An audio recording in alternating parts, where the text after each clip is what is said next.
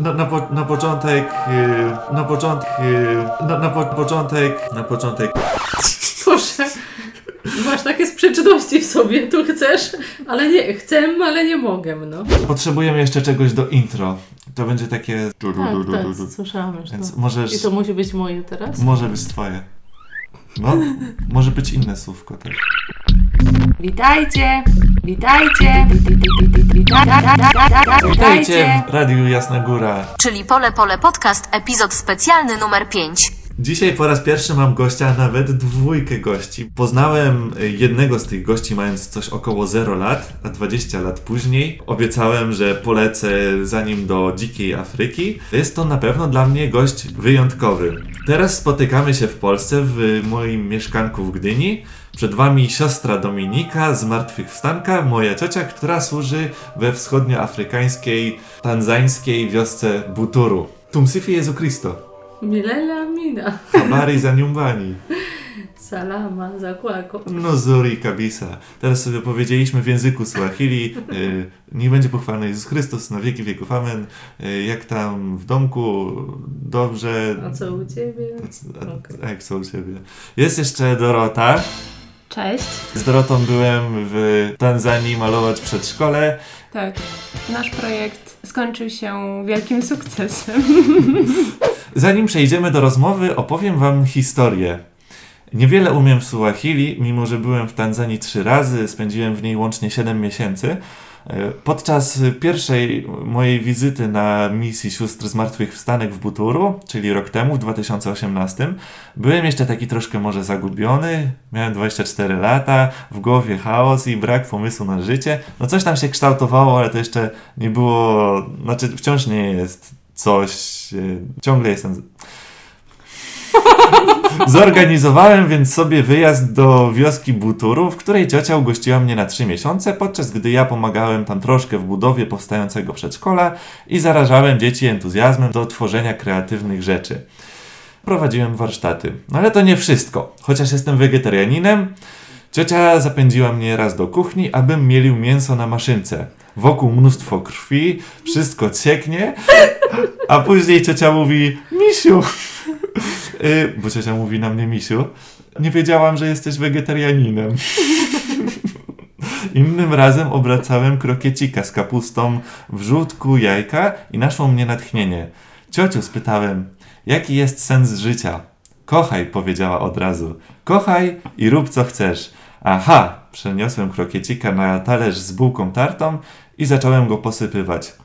Czyli kradnij, nienawidź, a ciocia na to mówi, jeśli kierujesz się miłością, to wszystko, co uczynisz, będzie jej następstwem. I tu zaakcentowała: kochaj, a następnie rób, co chcesz. To było właśnie słowem wstępu. Ciocia jest taką osobą, że o cokolwiek się jej nie zapytam, to zawsze jakąś odpowiedź ma. Więc y, może, może takim przydługim troszkę wstępem. nie, to nieprawda, że mam zawsze odpowiedź. E, Są rzeczy, na które nie masz odpowiedzi. No oczywiście, są rzeczy, które są niewiadomą tajemnicą i trzeba to przyjąć w milczeniu. Na przykład, To jest odpowiedź dobra. co było na początku, jajko czy kura? No nie, nie, nie, w takie filozoficzne różne się nie, dyskusje nie, nie ten, nie wchodzę. Nie wchodzisz. Ja mam taki pomysł, że- żebyś może nam opowiedziała troszkę, w jaki sposób przebiegała ta cała droga, zanim zostałaś misjonarką w Tanzanii. Nie urodziłaś się misjonarką. Nie. Jeszcze kiedy miałam 33 lata, nie wiem, nawet sobie nie myślałam, że już za rok wyjadę do Tanzanii. Nie wyobrażałam sobie jeszcze tego. W ogóle nie miałam takich planów. Ale czułam, że tak, że no, troszkę się w moim życiu... Może, No, może w sumie zacznijmy od początku. początku. Kie- Kiedy ty w ogóle zaczęłaś y, czuć takie powołanie, by wstąpić do zakonu? Uhu, to były już czasy prehistoryczne. Liceum? dla Was. Tak, byłam w liceum, w drugiej klasie licealnej. Pojechałam kiedyś do sióstr, zabrała mnie tam koleżanka z mojej klasy, Renata. E, No i tam mi się spodobało u sióstr bardzo. Miałam z nimi kontakt, właśnie zobaczyłam, że to nie są dinozaury, tylko to są normalne osoby, normalne, zdrowe kobiety, które wiedzą, czego chcą od życia i, i to było takie właśnie złamanie takiego stereotypu w mojej głowie. E, no i mając z nimi kontakt, tak aż do czwartej klasy maturalnej, stwierdziłam, że to jest też co ja chcę czynić w życiu. Odkryłam to jako moje powołanie. Także po, po maturze, a czy jeszcze przed maturą koleżanki mnie wszystkie wypytywały, a gdzie, na jakie studia, wszystko, oczywiście plany. A ja nie myślałam już o żadnych studiach, byłam wolna od tych tematów, no ale nie, nie chciałam się tak bardzo zdradzać, więc no. Ale po maturze już podjęłam tę decyzję i wstąpiłam do zgromadzenia, więc miałam tylko 19 lat. Ale gdybym dzisiaj miała podejmować tę decyzję jeszcze raz, to, to, to powtórzyłabym ją. I później. Jak, jak się mijały później te pierwsze lata służenia w zakonie? Mhm. Tak, pierwsze lata zawsze to jest formacja, podstawy, czym to życie zakonne jest, z czym się wiąże, jakie śluby będę składać, do, do czego mi te śluby zobowiązują. Mm, Też takie dojrzewanie w tej decyzji. Ma się na to sporo czasu, bo aż miałam 3 lata do pierwszych ślubów, a aż 8 do tych ostatecznych, wieczystych, więc na pewno to było sporo czasu, żeby to jeszcze przemyśleć, przeżyć, doświadczyć i radości, i, i, i wzlotów, i upadków, i radości, i smutków, żeby właśnie się zdecydować już tak bardzo świadomie, że tak potwierdzam i idę. Tak, a później już, już po ślubach, no oczywiście, no studiowałam też w międzyczasie. E, Co studiowałaś? Czy powiedz ludziom? Nauczanie początkowe i wychowanie przedszkolne, czyli No praca z dziećmi. Dokładnie to robisz teraz w Tanzanii. Tak, tak, no na pewno to było takie przygotowanie. E, I myślę, że dlatego, że później jeszcze pracowałam właśnie w szkole podstawowej, w tych najmłodszych klasach, to też sprawiło, że matka mi zaproponowała wyjazd do Tanzanii, żeby budować przedszkole. Dlatego, że No pracowałam z dziećmi. Bo pamiętam, że kiedyś mama lub babcia powiedziała mi, że ciocia, czyli ty, starasz się o misję w Tanzanii. A potem już nagle jakoś przetoczyła się jakaś taka lawina wydarzeń, że Paweł, czyli mój brat, brał, wese- brał ślub. No i się żegnaliśmy z tobą. To było takie nasze ostatnie spotkanie i wielka impreza, po której ty miałaś lecieć po raz pierwszy do Tanzanii, a Nie, no. ale Tanzanię absolutnie ja sobie sama nie wybrałam, to Tanzania mnie wybrała, zawsze tak powtarzam. Mhm. Dlatego, że właśnie po siedmiu latach pracy w szkole w Częstochowie, tak było mi super dobrze. Miałam super klasę, wspaniałe dzieci, mnóstwo przyjaciół, wspaniałe relacje też z rodzicami i z siostrami we wspólnocie. Było mi tam po prostu bardzo dobrze, ale czułam, że tak się po prostu już tak właśnie mam to moje gniazdko w życiu uwinie, yy, uwite i, i, i jest mi tak dobrze i wygodnie i w ogóle super jest to moje życie. Ale stwierdziłam, że jednak powinnam jakąś ofiarę z siebie złożyć i, i no po prostu poczułam, że, że muszę coś więcej jeszcze od siebie wymagać i podczas rozmowy z naszą matką generalną powiedziałam, że, że gdyby potrzebowała sióstr, żeby wyjechać na jakąś placówkę naszą zagraniczną, bo mamy w różnych krajach za granicą Mhm. A w placówki. jakich? W jakich macie? A w Argentynie, w Kanadzie, w Stanach Zjednoczonych, Australii, mm, w Anglii, we Włoszech, na Białorusi. Bo tak jeszcze uściślimy. Ciocia jest siostrą zmartwychwstanką, Mhm. czyli jeżeli jest jakaś misja na przykład w Brazylii, ale siostry zmartwychwstanki tam nie mają misji, no to ona raczej tam nie poleci. Oczywiście. No, tak, więc... my żyjemy na, we, w nasz, we wspólnocie, czyli Tak, tak. Można założyć jakąś nową misję, jak tak na przykład w Tanzanii była w 2006 założona przez siostry, to pierwsze siostry Mhm. pojechały.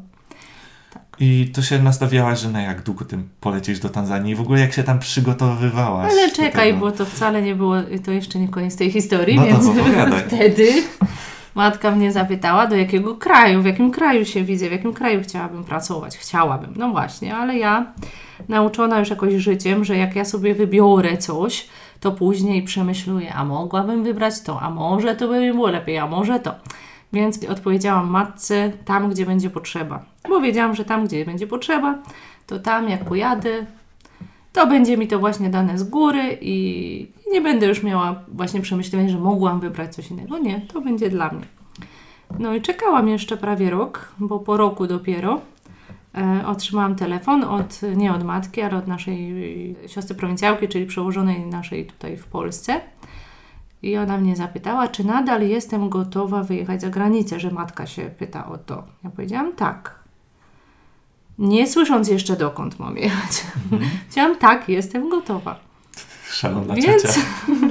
więc ta siostra powiedziała mi, matka prosi o Tanzanię. Powiedziałam, dobrze, jadę. No i tak to było.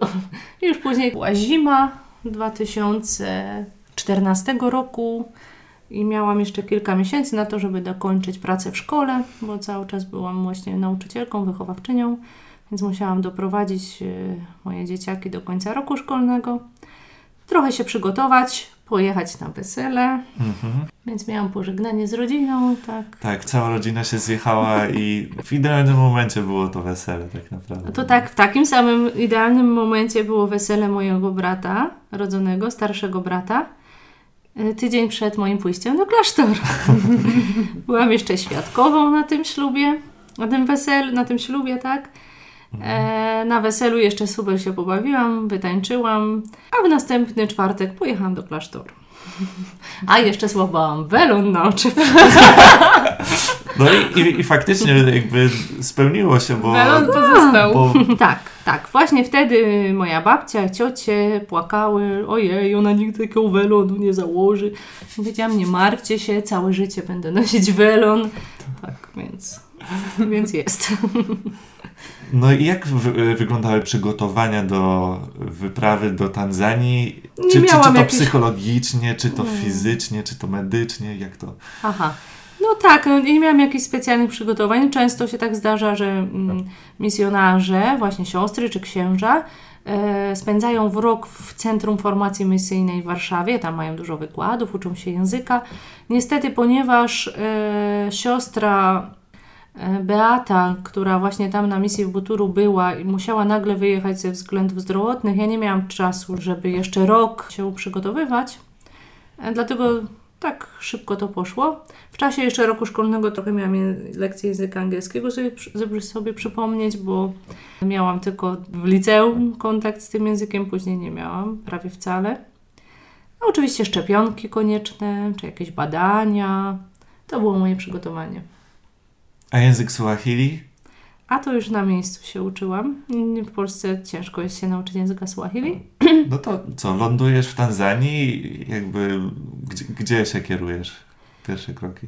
Przy, gdzie, gdzie ja się kierowałam? No, w- Dar es Salaam wylądowałaś? Tak, wylądowałam w Dar es Salaam. W największym mieście w Tanzanii? Tak, przyjechała po mnie, przyleciała po mnie z Buturu siostra Jadwiga, która Mhm. jeszcze z jednym e, ojcem franciszkaninem. Bo zmartwychwstanki w Tanzanii Nie są w dwóch, y, w dwóch miejscach. Ale wtedy jeszcze były w jednym. Były tylko, były siostry w Buturu. Ja przyleciałam we wrześniu i właśnie tam się dowiedziałam, m, gdzieś w grudniu, że zaczynamy w styczniu nową placówkę w Dar es Salaam i tam pojechałam. Miałam jechać tylko na zastępstwo siostry i później zacząć kurs języka Swahili, ale to zastępstwo się przedłużyło i spędziłam tam cały rok pracując w języku angielskim i dopiero po roku poszłam na kurs Swahili. Czyli siostry połączyły się tam, jakoś y, wspierają teraz działanie szkoły w Dar es Salaam, tak? Bo ta szkoła Tak. już tam istnieje kilkanaście lat? Tak, tak. Pojechałyśmy tam właśnie na zaproszenie ojców franciszkaninów. Franciszkanów. Franciszkanów, Franciszkanów. Boże. Dobra.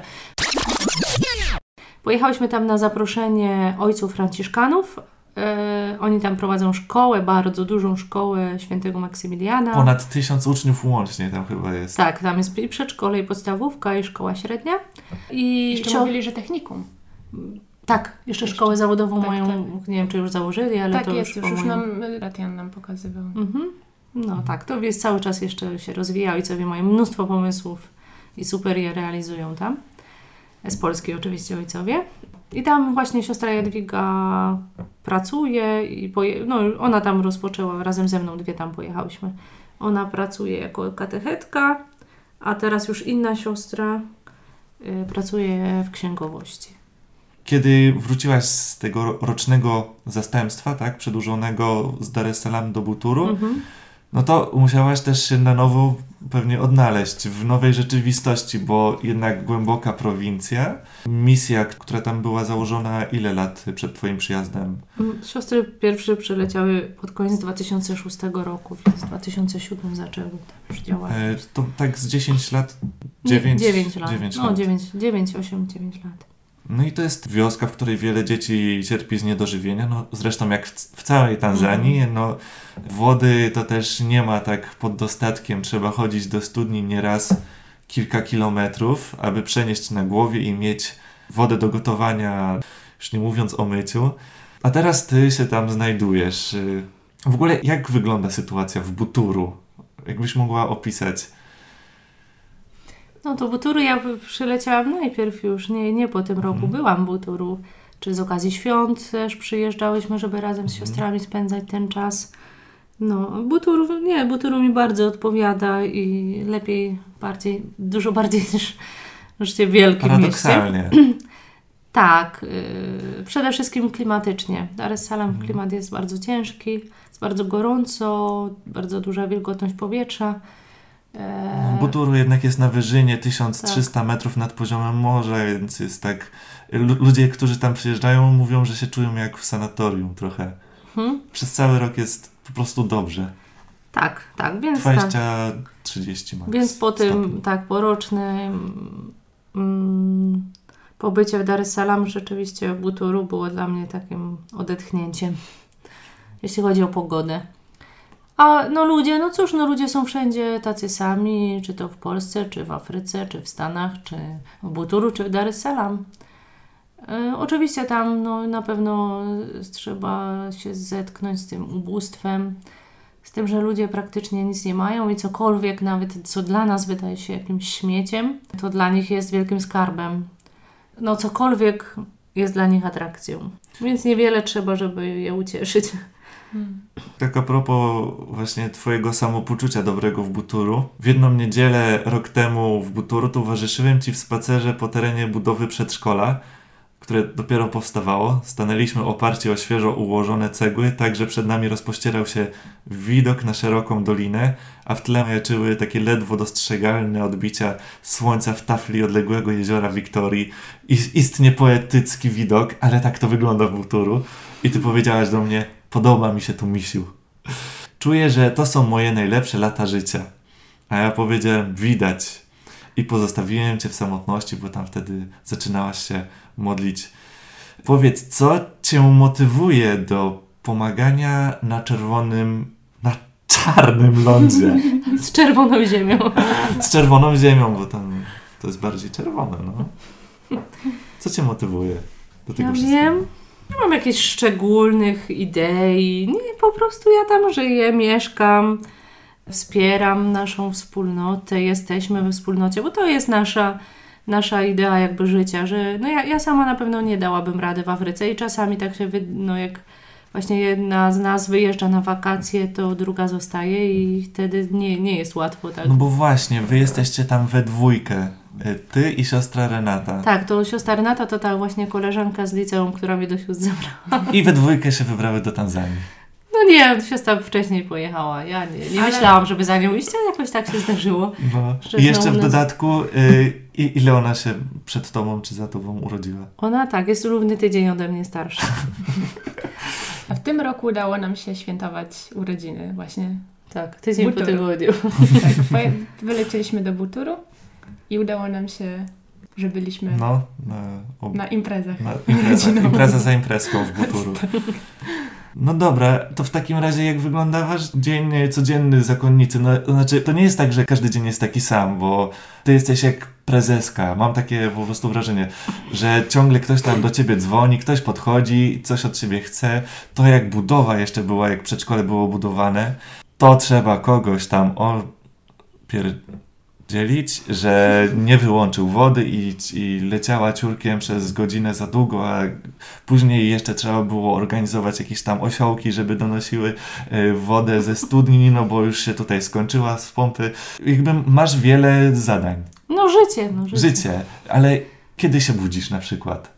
Kiedy się zaczyna dzień? Ach, my, no my budzimy się wcześniej, bo zanim wpadniemy w ten ciąg różnej pracy, to mamy modlitwę i czas w ciszy spędzony e, w kaplicy z Panem Bogiem, żeby właśnie naładować akumulatory. Ojej, to różnie, no różnie wygląda plan w dzień powszedni, różnie w, w, w weekendy, ale tak ogólnie no w pół do szóstej tak się budzę czasami trochę wcześniej. Czyli chwilę przed y, powstaniem słońca w Tanzanii. No dużo przed o Przed siódmej wstaniem. O siódmej wstaje. A no tak. Wstaje się przed słońcem. Słońce dawno powstało już. Mhm. To prawda. Dorota, ty jesteś mądra. Ja tu jestem, żeby cię korygować. Dziękuję. No i Więc wstajemy tak, wstajemy rano, spędzamy czas w kaplicy, modlimy się, później udajemy się na mszę świętą.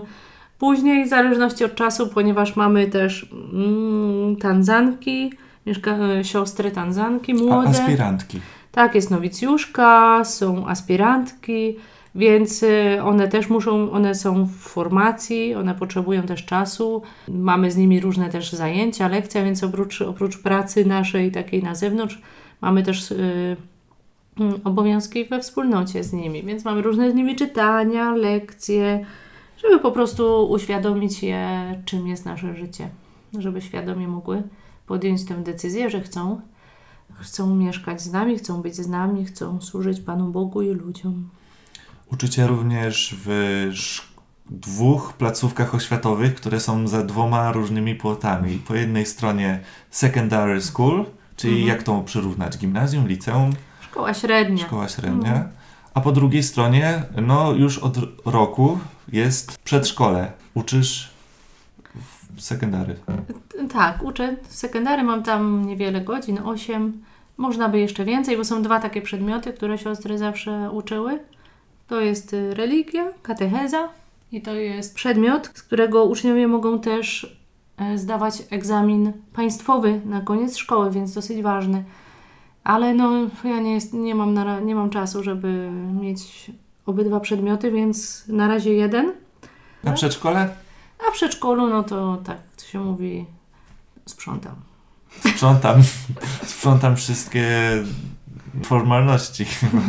No, no, zarządzam po prostu. Zarządzasz. No, chciałabym jak najbardziej e, być z dziećmi, mieć jedną grupę, tak jak zawsze miałam, jak właśnie pracowałam w szkole z tymi najmłodszymi klasami, ale no, nie jest to możliwe czasowo.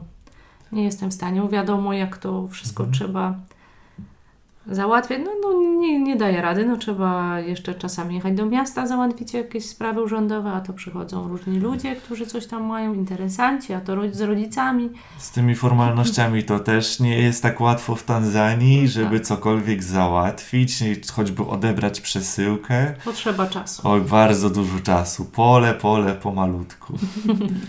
Y, Cho, choćby, dajmy, dajmy na to przykład, jak towarzyszyłem Tobie, gdy przyszła paczka z Polski. Mhm. No wydaje się, że proste. Wystarczy ewentualnie to cło zapłacić, tam odebrać i zabierać do domu. No ale nam zeszło no przynajmniej dwie godziny, jeśli nie więcej. Mhm. Czyli tak ca cała droga. Dzięki temu, że mam znajomości w banku i nie muszę siedzieć w kolejce. Dokładnie. Ale powiedz, niech to wybrzmi. Więc tak, najpierw idziemy na pocztę. E, Wyciągasz ze skrytki pocztowej. Oczywiście 40 km od Buturu jest oddalona poczta, bo nie ma adresów w Tanzanii. Nie ma nazw ulic. No chyba, że w największych miastach.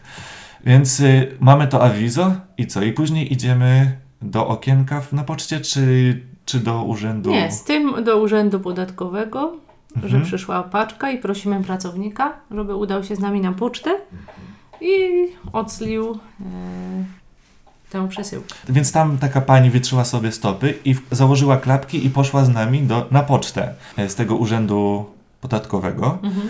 No, oczywiście szliśmy pieszo. Ciocia zaproponowała, że może samochodem, no ale dobra, poszliśmy pieszo, to nie było daleko. I wtedy ona, otwieranie paczki przy niej? Tak, ona otwiera paczkę, Ona otwiera paczkę. ogląda każdą rzecz, zapisuje.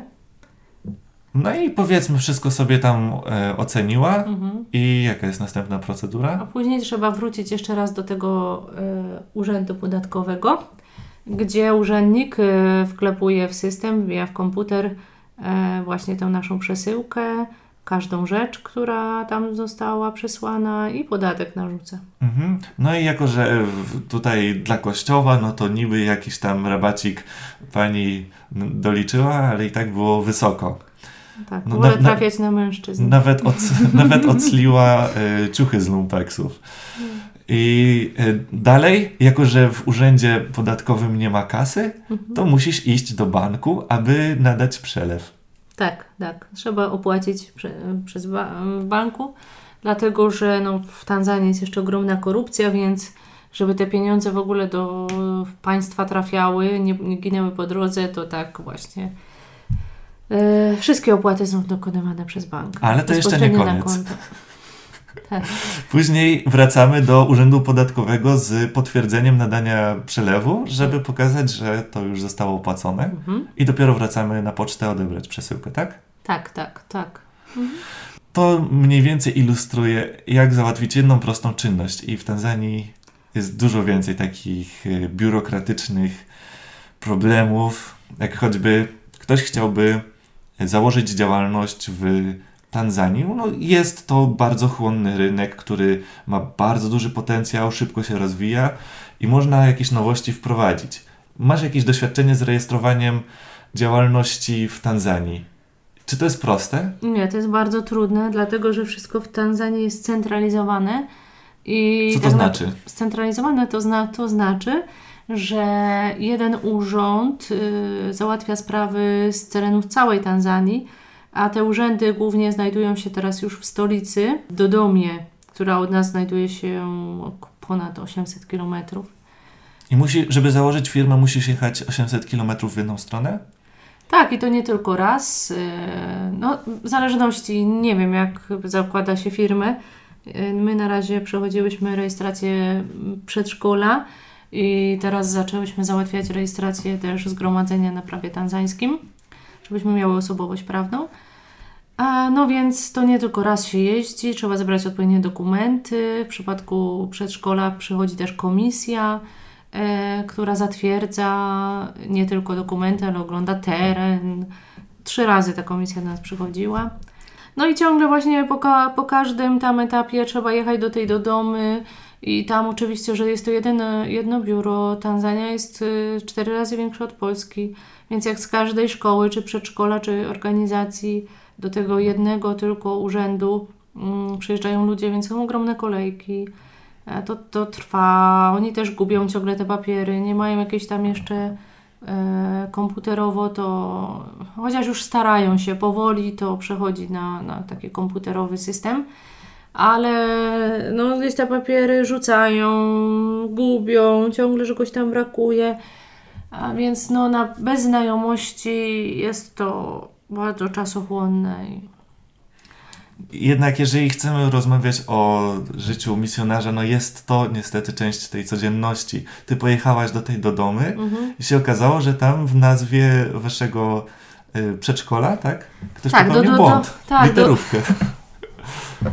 No do domu pojechałam w sprawie właśnie załatwiania rejestracji zgromadzenia, ale też już odebrać dokument rejestracji przedszkola. Taki dokument oficjalny z nadanym już numerem z Ministerstwa e, Edukacji. Właśnie w, nazwy były w, wypisywane na, na maszynie do pisania. No i właśnie z, odebrałam ten oryginał. A nazwa naszego przedszkola jest po angielsku, była tam literówka, ale w Swahili nazwa zgromadzenia też naszego w ogóle przeinaczona, zmieniona zupełnie słowo. Ach, Ktoś źle przepisał. no tak. I powiedzieli ci, że co, za miesiąc masz wrócić, czy jak? Tak, tak. Powiedzieli, no, że to nie dzisiaj, bo nie ma jakiegoś tam ko- komisarza, że nie wiadomo, czy będzie, że mam wrócić za jakiś czas. No ale No, a ty przejechałaś 800 km w jedną stronę. Tak. Więc y, no, zaczęłam właśnie narzekać troszkę, marudzić, że ja, ja jestem z tak daleka i mam teraz znowu wracać, jak to mi koszta podróży zwróci. No więc te panie, no nie, nie, nie byłam namylna, ale tak no płaczliwym tonem raczej to mówiłam. więc panie się nade mną zlitowały, no powiedziały, no dobrze, spróbują coś z tym zrobić, więc czekałam jakąś godzinkę. No i da, tak powiedziały mi, że ten komisarz y, zgodził się podpisać. Ale tam widziałam jakieś tam jeszcze błędy, takie ścier- ścierane. ścierane ten, ten maszynopis, ale już odpuściłam, mówię. Najważniejsze, żeby nazwa była poprawnie i nazwa naszego zgromadzenia i tyle. A w ogóle do tego ministerstwa, to się okazuje, że to nie jest w centrum. Ja, ja mieszkałam w hotelu w centrum. Nie wiedziałam, jak się tam dostać, ponieważ byłam pierwszy raz w życiu zatrzymałam się w Dodomie, raz tylko, wcześniej tylko przejeżdżałam przez Dodomę. Więc y, wsiadłam na taksówkę popularną w Tanzanii, czyli na motor, na piki-piki. Zwane również Boda Boda. Tak. I prosiłam właśnie, żeby mnie zawiózł ten, ten kierowca. Okazało się, że to jest tak daleko. Pod górę jechaliśmy. Miałem chyba 40 minut w jedną stronę. Więc, a ja w klapkach, bo sandały mi się popsuły podczas podróży, więc w takich klapkach pod prysznic do ministerstwa na motorku się wybrałam. Tak, y, to, to brzmi bardzo egzotycznie, nie? że przylatuje taka właśnie siostra z Polski, y, jest w nowej y, tej rzeczywistości, jeździ sobie motorkiem do ministerstwa. To jest Tanzania. No. Może porozmawiamy o przedszkolu. Powstało przedszkole rok temu. Tak. No, ja byłem świadkiem tego, jak ono po prostu rosło w oczach. Przez trzy miesiące praktycznie z niczego powstało coś. Ale no sam proces powstawania przedszkola to jednak jest dużo dłuższy. Kiedy był pomysł na przedszkole?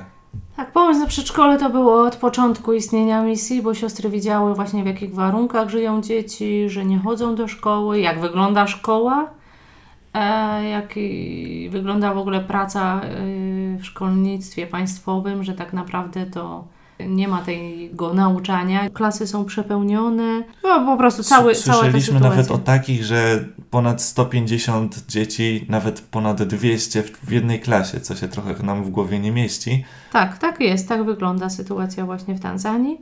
Poza tym, no, sale lekcyjne są obskurne, brudne, tylko na jednej ścianie jest wymalowana czarną farbą. E, Jedna ściana właśnie jak, służy jako tablica, jest niewystarczająca liczba ławek. Nie mają dzieci podręczników, często właśnie też zamiast iść do szkoły, to idą na pole nauczyciela, żeby pracować, więc ta sytuacja jest taka opłakana. I to widziały nasze siostry już od początku, zanim ja przyjechałam i cały czas nosiły się z tym zamiarem utworzenia przedszkola. I myślę, że to właśnie dzięki temu matka wtedy kiedy, wtedy, kiedy się zgłosiłam do wyjazdu za granicę, zaproponowała mi Tanzanię, e, ponieważ wiedziała, że no, mam takie przygotowanie zawodowe do pracy z dziećmi i dlatego tam się zjawiłam. Więc ja już e, jakby tam pojechałam właśnie w tym konkretnym celu. Mhm. I już były fundusze zbierane wcześniej na tą budowę, czy jak? Raczej no, była idea, fundusze, no głównie to nasze siostry z całego świata składały się na to przedszkole, ale również dobroczyńcy nam pomagali. Właśnie, y, jest taki jeden dobry duch, siostra Hermina, która w Australii y, służy jako zmartwychwstanka i ona jest dyrektorką szkoły? Jak tak, jest wygląda? dyrektorką Mhm. szkoły w Melbourne. Ale y, co miesiąc y, zaoszczędzi bardzo dobrą sumkę na tym, że ona nie zatrudnia sprzątaczki, tylko sama sprząta szkołę i No, wysyła... Nie, nie, nie sama, wiadomo, ale Nie, nie sama, no. oso- ona osobiście to robi, ale jakiś tam rewir jednej osoby e, ogarnia i dzięki temu oszczędza pieniądze, żeby nam pomóc, żeby przysłać e, kontener z rzeczami, które, które nam służą i właśnie całe umeblowanie też przedszkola to jest dzięki siostrze Herminie, ale też nasze siostry z Chicago bardzo dużą kwotę na przedszkole nam dały, to też jest warte zauważenia. Tak naprawdę y, większość tych pieniędzy, które trafiają na, na ląd tanzański, to chyba pochodzą po prostu od darów dobrych ludzi, nie? Tak, to wszystko. My Wszystko nic, właściwie. nic nie dostałyśmy od nikogo w Tanzanii, żeby cokolwiek zrobić e, właśnie w związku z budową czy czym. To wszystko jest e, dzięki pracy i naszych sióstr, ale też mnóstwa ludzi dobrej woli, którzy nas wspomagają, naszych dobroczyńców. Z Polski, z Australii, z całego świata. To jak można pomóc misji finansowo? Na przykład po wysłuchaniu tej rozmowy ktoś chciałby coś pomóc. Na zrzutkę wpłacić? Zrzutki są organizowane przez nas okazjonalnie, kiedy mamy jakiś konkretny cel. Każdy grosz, który do nas trafia, nawet na jakieś stare zrzutki, bo czasami się tak zdarza, że ktoś jeszcze na budowę przedszkola, e, taką zrzutkę, która już jest nieaktualna, ale no aktywna, wpłaca, my wykorzystujemy na bieżące potrzeby. No w opisie tego podcastu załączymy link y, do zrzutki, która już co prawda jest zakończona, ale wciąż można wpłacać datki i one zostaną i one zostaną przez No, rusztowanie mamy tutaj kładzione zaraz za oknem. Zrzutka jest zakończona, ale wciąż y, te pieniądze trafią do sióstr zmartwychwstanek. One rozdysponują nimi y, wedle bieżących potrzeb w Buturu. A jest ich ciągle mnóstwo. Ciągle. A będziecie się rozbudowywać jeszcze? Właśnie. Tak, już po moim powrocie już są plany na dobudowanie kolejnej klasy. Dla, żebyśmy mogły przyjąć więcej dzieci. Aktualnie w przedszkolu 50 dzieci się uczy, czy ile? Tak. No, Mhm. 50. 48. Dokładnie. Mhm. I to są dwie klasy. Tak. I teraz będzie trzecia. Mhm. A to są trzy roczniki, czy... Tak, to są trzy roczniki. Okej. I kto uczy? Uczą panie nauczycielki zatrudnione przed przedszkole. Tanzanki? Tanzanki, tak. Bardzo, bardzo mamy dobre nauczycielki, bardzo mają mm, fajne podejście do dzieci. E, widać, że lubią te dzieciaki i, i fajnie z nimi pracują. No, to chodzi też o to, żeby znać też właśnie dobrze ten system edukacyjny, żeby przygotować te dzieci do nauki w szkole podstawowej. Z kolei mają bardzo ciekawy akcent.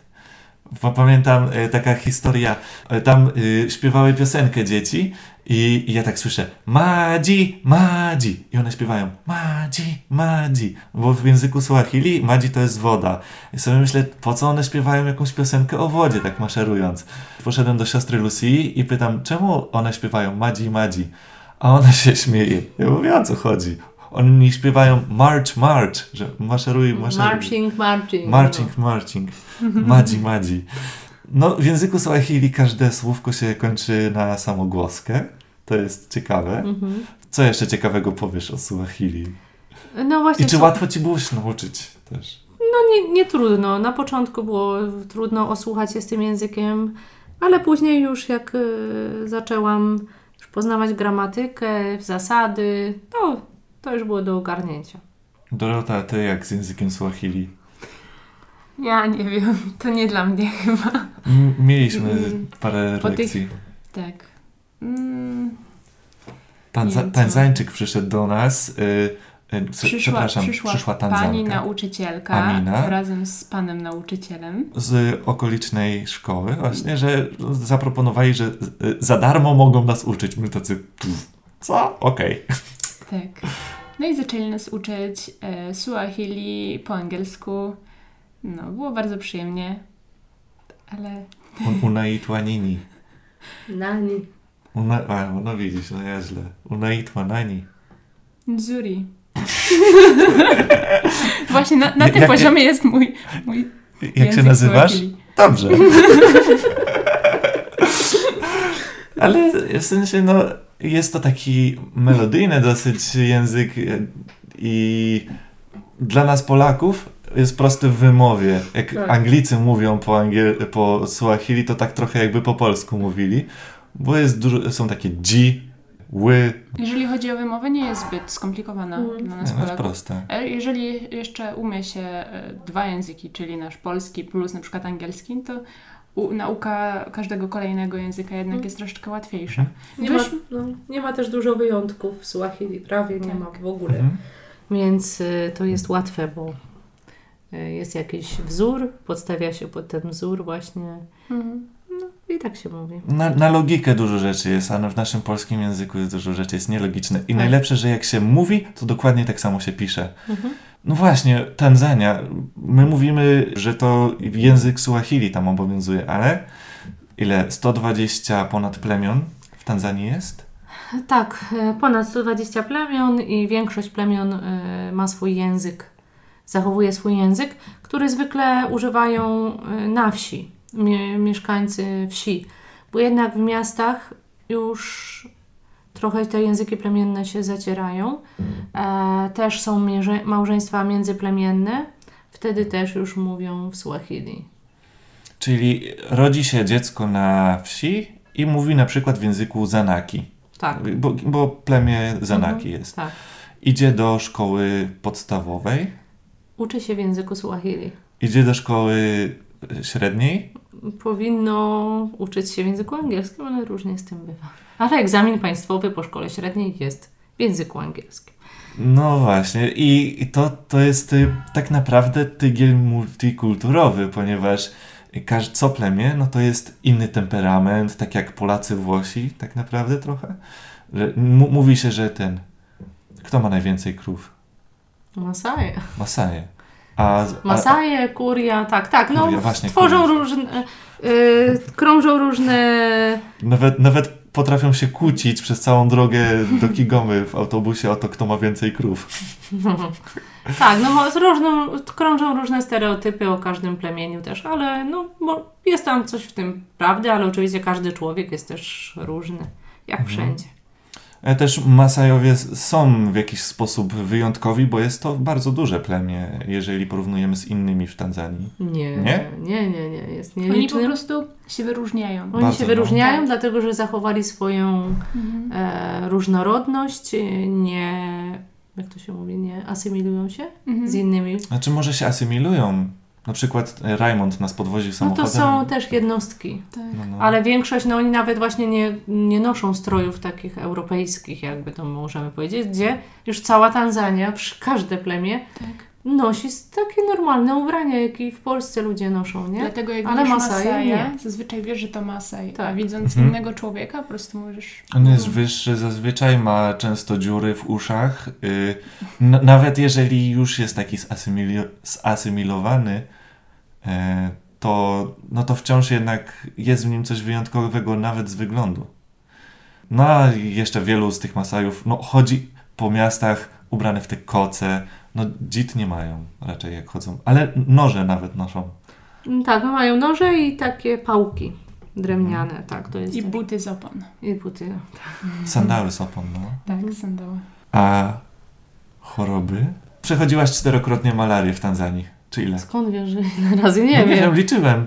Tak. no, e, pi- pierwsze, Ja nie wiem ile razy pierwsze- pierwsze nie dwa- pamiętam. Gdy byłem w Tanzanii, już miałaś za sobą pierwsze dwa razy i później zachorowałaś trzeci raz tak bardziej, że widziałem cię tylko może raz dziennie, a może nawet mniej, kiedy tam jeździłaś na te dożylne w ogóle jakieś zastrzyki, nie wychodziłaś z y, łóżka. No dobrze. Nie no, bo to było ciężkie przejście, ale dwie, Ciężko, dwie, no dwie, dwie, dwie wcześniejsze były lekkie. Później czwarta malaria też była No lżejsza patrz, Michał więcej trzecia. wie o mnie niż ja sama. No. Nie pamiętam. Pamiętam, że pamiętam, że pierwszą malarię przychodziłam po pół roku od przyjazdu. Później coś tam miałam po drodze i rzeczywiście jak ty byłeś w kwietniu ubiegłego roku, pamiętam, bo przychodziłam ją bardzo źle, ale to dlatego, że diagnoza nie została o czasie postawiona. Mhm. E, No, byłaś w źle szpitalu w Kiebakari i powiedzieli ci, że co? Że No nie wszystko mam okej. malarii, tak. No, a później cię wyciągnęli siłą Robert z księdzem Danielem, wzięli... A, okej. Trzech mężczyzn, Trzech mężczyzn cię siostra wyciągnęło. Ty mówiłaś, nie, nie, nie, byłam w szpitalu, wszystko jest okej. No to cię wzięli do Musomy, do większego szpitala i już y, tam ci zrobili diagnozę poprawną. Nie, Nie? powiedzieli, że nie mam malarii. Też nowo? Tak, nie wyszła wtedy malaria. No ale był, źle się czułaś bardzo. Bardzo źle się czułam, miałam ogromnie wysoką temperaturę, ciągle jakieś brałam jak paracetamole, żeby ją zbić tylko do 39. Czasami tak bywa, że malaria gdzieś ukrywa się we krwi i nie wychodzi w badaniach. A a ja wtedy właśnie wzięłam tabletkę przeciwbólową, która też powoduje, że te mm, wyniki mogą być trochę zakłamane. No ale powiedzieli mi, powiedziałam o tym oczywiście temu, to nie jest lekarz, nie ma tam lekarzy. Tanzanii rzadko się spotka człowieka, który skończył medycynę. jakiś tam, jakiś tam officer, medical officer. Powiedział mi, że nie mam. Oczywiście nie wiedzą, co mi jest, no ale no coś tam jest, więc oczywiście antybiotyki mi dali. Nie wiedzą, co mi jest. Dokładnie. I jeszcze dwa dni się męczyłam z, y, i siostra Renata jeszcze raz mnie wyciągnęła, jeszcze raz prawie, że na siłę mówi jedziemy, jedziemy, jedziemy, bo coraz było tak nie, nie wesoło. No i rzeczywiście wtedy za trzecim razem wyszło, że mam malarię i dopiero jakieś e, takie bardzo mocne leki, bo już ona była bardzo rozwinięta. Czy bać się malarii? Nie, no właśnie no malarii nie ma się co bać, tylko właśnie chodzi o tą diagnostykę. Jest problem w Tanzanii z diagnostyką. Malarię trzeba się zgodzić, jak się jedzie do Tanzanii na stałe, że chorować się będzie. Nie da się tego uniknąć, nie ma szczepionki na malarię. Właśnie, ko- a dlaczego jest najbardziej śmiercionośną chorobą? Dlatego, że ludzie, też Tanzańczycy, oni nie chodzą do lekarza, oni się nie badają. E, Oni nie przyjmują leków na malarię, dlatego A one są? umierają. One są, tak. Nie są takie nawet bardzo drogie dla Ja Tanzańczyków. pamiętam, ja e, za 16 zł kupowałem lek na malarię. Nawet tańsze są, kupowałeś No. lepsze No ja takie dla kupowałem. białych. No właśnie, a, Dla białych. no właśnie, a ile zarabiają Tanzańczycy? No, przede wszystkim to bardzo mało osób ma stałą pracę i stały dochód. Głównie utrzymują się z rolnictwa, tego co tam sobie uhodują na swoim Mhm. polu. Mają też bydło, swój majątek mają w bydle, nie, nie przechowują pieniędzy w bankach na jakichś kontach, tylko Mają majątek. majątek, tak, ich majątek to bydło. No tam jeszcze są takie rozwiązania technologiczne, że można na telefonie jakby trochę... Przesłać, to jest raczej nie Przesłać, jako no. oszczędności, No. absolutnie nie. Nie, no wiadomo, Ale to, to raczej jakby mieli pieniądze, no to często niestety wydają na bieżące potrzeby, bo Bo nie ma ich tak wiele. nie ma ich... Albo budują sobie jakiś domek, albo mają imprezę, na której wydają bardzo dużo pieniędzy, No bo uwielbiają imprezować. I wszystko wydać, no cóż. Tak, i głośną muzykę wtedy sobie załatwić, która jest. Przez którą- ty nie możesz spać w Tak, nocy, bo, jest- przez ca- bo ty w takiej jakby kotlince, można powiedzieć, trochę Mm. e, mieszkacie, że ze wszystkich stron otoczone górami, ten, to, wszystkie odgłosy się niosą przez całą wioskę, do was docierają w środku nocy, a jak impreza trwa, oj to ona bardzo długo trwa. No tak, to jest coś, co jest dla mnie trudne bardzo do zniesienia w Tanzanii. Jedno z niewielu rzeczy. To, to muzyka w nocy i te basy, tak. No i muzyka w autobusach. To jednak ja, ja wolę ciszę. No właśnie, co wolisz? y, Dala dala, czy autobus dalekobieżny? I czym to się różni? Ojej, no to bardzo się różni. Jak mamy jechać jakiś daleki dystans, to na pewno daladalą, czyli małym takim busikiem nie pojadę, bo to było za długo trwało. Mhm. To już trzeba się wybrać autobusem. Autobusy są, na, są w porządku, są dobrej jakości. Już teraz nie są przepełnione, absolutnie każdy mm, pasażer musi mieć, zająć jedno miejsce. Nie, nie jeżdżą tak jak szaleni kierowcy, mają jakieś tam ograniczenia prędkości. To ten alarm, co ci jest Mhm, tak, tak jak się y, powyżej 80 bodajże kilometrów na Tak. godzinę jedzie, to się włącza taki alarm i tak wije io, io, io, io i tak czasami nawet godzinami potrafi wyć, bo cały czas kierowca przekracza prędkość. Tak, ale raczej kierowcy starają się, Raczej żeby wtedy zwolnić. Tak? No ale, ale bywa, Ale to że... ja nie słyszałam jeszcze, żeby starali się zwolnić. Za każdym razem, jak jechaliśmy, to ten alarm tam Włączał się, ale... był. Mhm. Ale jest słychać. zagłuszany przez muzykę. No właśnie, jaka to jest muzyka? Jaką oni grają muzykę w Tanzanii? No, taki hałas, raczej hałasują dla mnie bardzo, to jest rytmiczne, ciągle wybijany jakiś bardzo szybki rytm, Mhm. a no, męczące. Znaczy, bo ja mam takie porównanie, że jest muzyka stara i, i muzyka nowa. Tak, tak. Muzyka stara to, to zaliczam do tego taka plemienna, Mhm. że jakiś tam luo, rytm, że... Tak, tak, tak. I to na tak, imprezach leci. I tak przez 12 minut jeden utwór właśnie Mhm. i się do tego bawią, a i taka no, nowsza dla młodszego pokolenia to bongo flawa, to jest jakby tanzańska, czy tam w ogóle wschodnioafrykańska kopia jakiegoś disco latino, można powiedzieć. Tak. No, Disco to, to tam, bongo flawa znoszę, no, ale nie kiedy podróżuję 14 godzin. no. Już nic nie znoszę wtedy. I oczywiście zawsze w autobusikach są puszczane wideoklipy, Tak. które, na, na które składają się trzy czynniki. Cycki, dupy i samochody. No i no i jeszcze I białe kobiety. Też. I białe kobiety Białe czasami, kobiety, czasami, tak. nie? Ale ym, co ja chciałam powiedzieć? Coś z tą, a z muzyką, że w, w środkach transportu czasami troszeczkę jest wstawek takiej naszej popularnej e, muzyki tutaj w Europie. Właśnie tam amerykańskie jakieś Tak. kawałki. To jest taki czas na odpoczynek chwil. Tak, tak. Chwilka. Bo my mamy to, jesteśmy z tym osłuchani, Tak. lubimy tą, te, tą muzykę, więc to jest taki odpoczynek od tamtej ich, ichniejszej muzyki. No, no. A właśnie, podczas jazdy autobusem, no nie musisz się troszczyć o to, żeby tam wcześniej robić jakieś kanapki, no bo wszystko przyjdzie do ciebie. Całe jedzenie Mhm. zostaje podstawione pod szybę, y, w, na jakimkolwiek przystanku się nie zatrzymuje autobus. No tak. Co no. lubisz sobie kupić wtedy? No, nie, kupuj, nie jem za dużo takiego jedzenia, bo jednak ono nie jest zbyt czyste. Bo, bo w sensie jeszcze tutaj Trzeba dbać po prostu o, o czystość tego, co się je, wiedzieć z jakich źródeł, z jakiegoś pewnego źródła. Oczywiście nie, nie zawsze się to e, da, e, czasami się nie da, trzeba zjeść po prostu, ale no, grozi też to jakimś zachorowaniem na dór brzuszny. Jeszcze, jeszcze tak dodam, że ludzie na głowach przynoszą pod okno Mhm. i ty możesz otworzyć okno autobusu, sięgnąć jakby po na przykład fantę, Coca-Colę No albo, albo ciasteczka, albo, jajka. Owoc, warzywo, Mhm. jajka. No jajko to nigdy nie podjęłabym takiego ryzyka. No, Ugotowane jajko, ciekawe kiedy oni je gotowali. No. Ciekawe, czy dogotowali, ciekawe. No. Wiele. Tak, no tak, oczywiście coś do picia, coś butelkowane, jakieś napoje, czy woda, jak najbardziej, to jest ten. Czy jakieś sezamki, tak kobiety sporządzają, czy orzeszki arachi- arachidowe, to jest też okej jedzenie, Mhm. które może, czy banan. Jak najbardziej to w podróży jest bezpieczne. A opowiedz o drive-in supermarket w Kiabakari.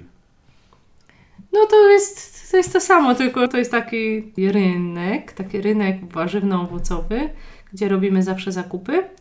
Podjeżdżamy naszym samochodem, naszym pick-upem. E, No i właśnie wtedy już kobiety po prostu no, chcą zdobyć klienta.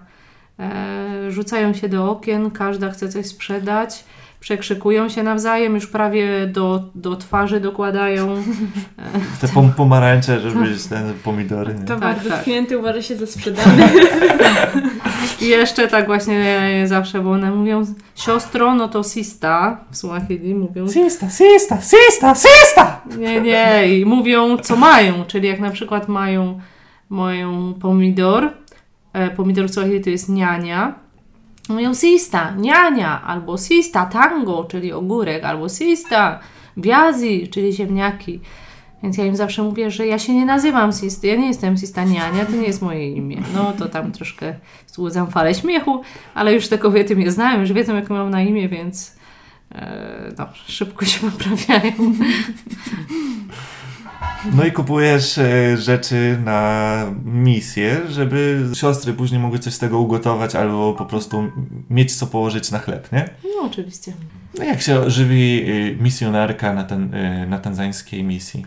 Ojej, no, no matko, dobrze, no to tak, jemy ryż, jemy ziemniaki, są i ziemniaki takie jak u nas i ziemniaki słodkie, e, sporo warzyw, dużo też takich mącznych potraw, bo to jest dostępne z mąki kukurydzianej, tak zwane ugari, to najbardziej popularna tanzańska potrawa, ale również z manioku.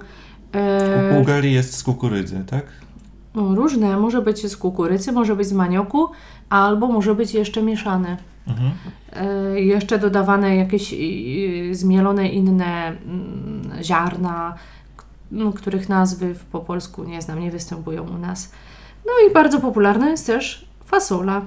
Mhm. Dużo fasoli jemy. Mięsa tak mało, no, może raz w tygodniu, w niedzielę jemy mięso. No Michał źle trafił, jak musiał mieć, a ja zapomniałam, że on jest Nie, ja wegetarianinem. Bardzo, bardzo fajnie mi się to mieliło, odprężające i tak, Tak. sobie patrzyłem jakby jakieś żelki były, to, to mięso w sumie. A ty, no nasza maszynka jest trochę zepsuta i bardzo ciężko się mieli, więc stwierdziłam, że mężczyzna ma odpowiednią krzepę, żeby to wykonać. A ile wynosi emerytura w Tanzanii? Nie ma emerytury, ani rent, ani żadnego ubezpieczeń zdrowotnych. Za wszystko to muszą ludzie płacić. A jak często przyjeżdża śmieciarka do Buturu? Nie, nie ma śmieciarki. Co się robi ze śmieciami? No, No, czy, mamy, jest mamy Afryka, tak, nie? tak. Trzeba takie, robić to, co... Mamy kury, więc kury służą jako odkurzacze do takich resztek po jakimś jedzeniu, czy obierek, czy czegoś. A no, oczywiście mamy jeszcze koty, więc nie, nie zostaje nic u nas. Koty, psy, więc y, jak już my nie dojemy, to na pewno chętnie się znajdą na to jedzenie. Więc jedzenie absolutnie się nie marnuje u nas. Jeśli chodzi o takie, jak to się mówi, takie od, odpady właśnie to e, Organiczny. organiczne. O. Jeśli chodzi o odpady organiczne, to kury się tym zajmują, a na końcu zawsze przyjdą mrówki, które wszystko wyczyszczą, a no inne rzeczy, no to palimy. palimy Nie ma alternatywy. no nie mamy co z tym robić. Nie. Ja widziałem raz śmieciarkę chyba w Tanzanii przez 7 miesięcy. I to Może w mieście. W mieście, no. No. To jest rzadkość. Widzieliśmy nawet wysypisko, składowisko O, odpadów fuj. Ale to było tak, że przez Dar es Salaam. Tam nie było żadnego płotu, tam nie było Nie, nic, po prostu się wchodzi Tragedia. Tak.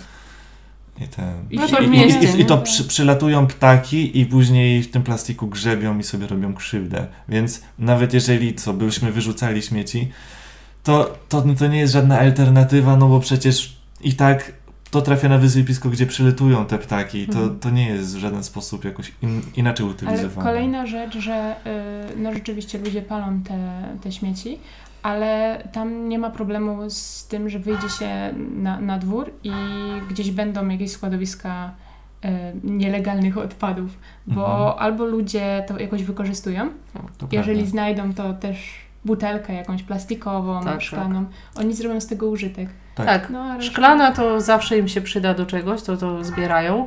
Jeśli chodzi o plastik, to jest skupowany, więc y, też biedni Mhm. sobie zbierają i sprzedają.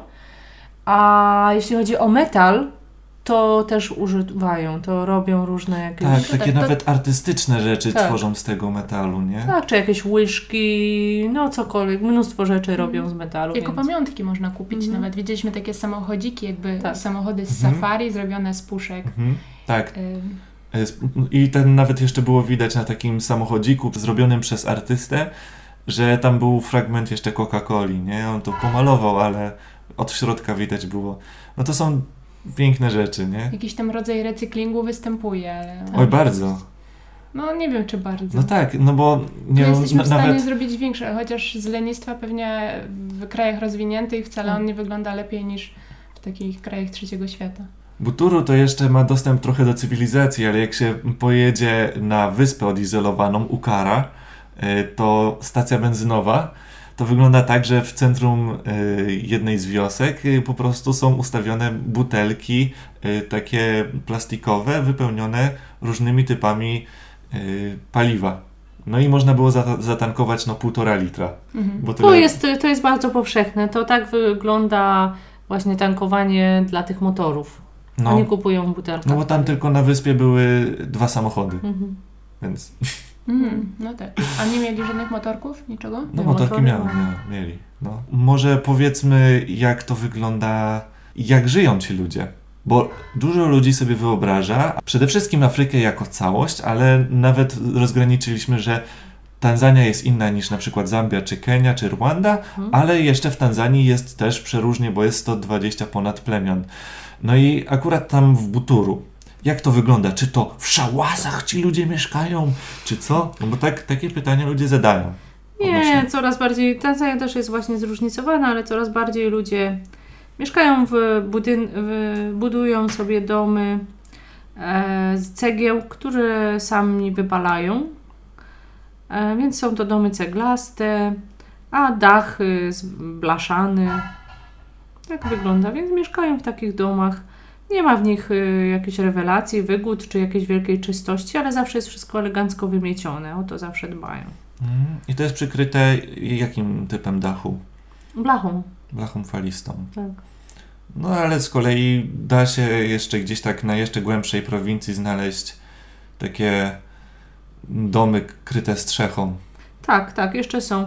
Lub y, w, są też używane przez ludzi do tego, żeby tam zwierzęta się. Mhm. y, Czy No jakieś tak, tam często tak schowek, jest. czy zwierzęta tam na noc są zamykane, kozy czy owce. Teraz jesteś tu w Polsce. Ja, jak ty często przyjeżdżasz do Polski? E, Raz na dwa lata mamy możliwość przyjechać i spędzamy w Polsce dwumiesięczne wakacje. I to są takie prawdziwe wakacje? Wypoczywasz? Oczywiście wypoczywam, odpoczywam, spotykam się z wieloma ludźmi, z przyjaciółmi, ale też wykorzystuję ten czas na różne kwestie. Jeżdżę po różnych parafiach, różnych kościołach, opowiadam ludziom o misjach. Czy jeżdżę też do szkół z młodzieżą, czy z dziećmi się spotykam, opowiadam też o naszym życiu. No czyli nie tylko wypoczywasz, no bo masz tam in- intensywnie w Tanzanii dosyć i przylatujesz do Polski, no też jest dosyć intensywnie. Tak, ale ja nie, nie, nie dałabym radę siedzieć ciągle w domu dwa No. miesiące spędzić. Nie, to, to nie w moim stylu. Można depresji dostać. Jest okej. Może jeden dzień mogę poczytać książkę. A, a jako za zakonnica Możesz na przykład sobie polecieć na wakacje na przykład na Karaiby albo do, do Sosnowca. Przede wszystkim nie jestem zakonnicą, jestem za motoryzacją. O, ja jestem za równouprawnieniem. Tak. Nie no, będąc za granicą e, tak długo, spędzają czas z dala od rodziny, od znajomych, od przyjaciół, czy od naszej w ogóle kultury, chce się być wśród swoich. To nie myślę o jakimś wyjeździe gdzieś daleko. No, ale mo- mogę, jak najbardziej mogę. A tęsknisz teraz za Tanzanią? No, cały czas jestem jakby w kontakcie, żyję tymi sprawami, coś tam załatwiam przez jeszcze telefon, więc no, no, ja wiem, czy tęsknię. Cieszę się tym dniem dzisiejszym. No to prawda, to było w sumie dosyć zaczepne pytanie, ponieważ tak naprawdę two... jak zaczynaliśmy rozmowę, mówiłaś, jakby decyzja, czy lecę do Tanzanii była tak, jak, jak nawet nie wiedziałaś, że lecisz do tej Tanzanii, w sensie Tanzania, okej, Ameryka Południowa, okej, po prostu chcę pomagać ludziom. Czy coś w tym stylu. No, coś Tam, tam gdzie jesteś potrzebna, tam, gdzie jesteś potrzebna, tam się jakoś odnajdujesz. I w tym momencie siostra Dominika się bardzo ładnie uśmiecha, szczerzy zęby. I jest to bardzo urocze. No i myślę, że y, tym pięknym, uroczym akcentem będziemy powoli kończyć, ponieważ jeszcze dzisiaj masz sporo spraw do załatwienia. Mhm. Y, To była bardzo ciężko wygospodarowana godzina, żebyśmy mogli na spokojnie sobie usiąść, porozmawiać. Naszymi gośćmi była siostra Dominika Ahoj, i była Dominika Dominika. Dorota. Powiedz coś. Ja byłam tutaj tylko, żeby poprawiać Michała i No. się uśmiechać. I go podtrzymywać na duchu. Dajcie znać, czy zaprosić Dorotę na specjalną rozmowę, żeby porozmawiać o jej twórczości. A na razie zapraszamy do zajrzenia w opis tego podcastu. Tam znajduje się link do zrzutki, gdzie można wspomóc misję w Buturu. Zapraszamy również na Face'a. Jak się nazywacie na Face'ie? Misja zmartwychwstanek w Tanzanii. Prowadzi to siostra właśnie Dominika. I hakerzy. I hakerzy. Dobra, to koniec. Cześć. Jeśli się spodobało, udostępnij swoim znajomym na Facebooku, Instastory lub puść babci przy obiadku cze cze cze cze cześć.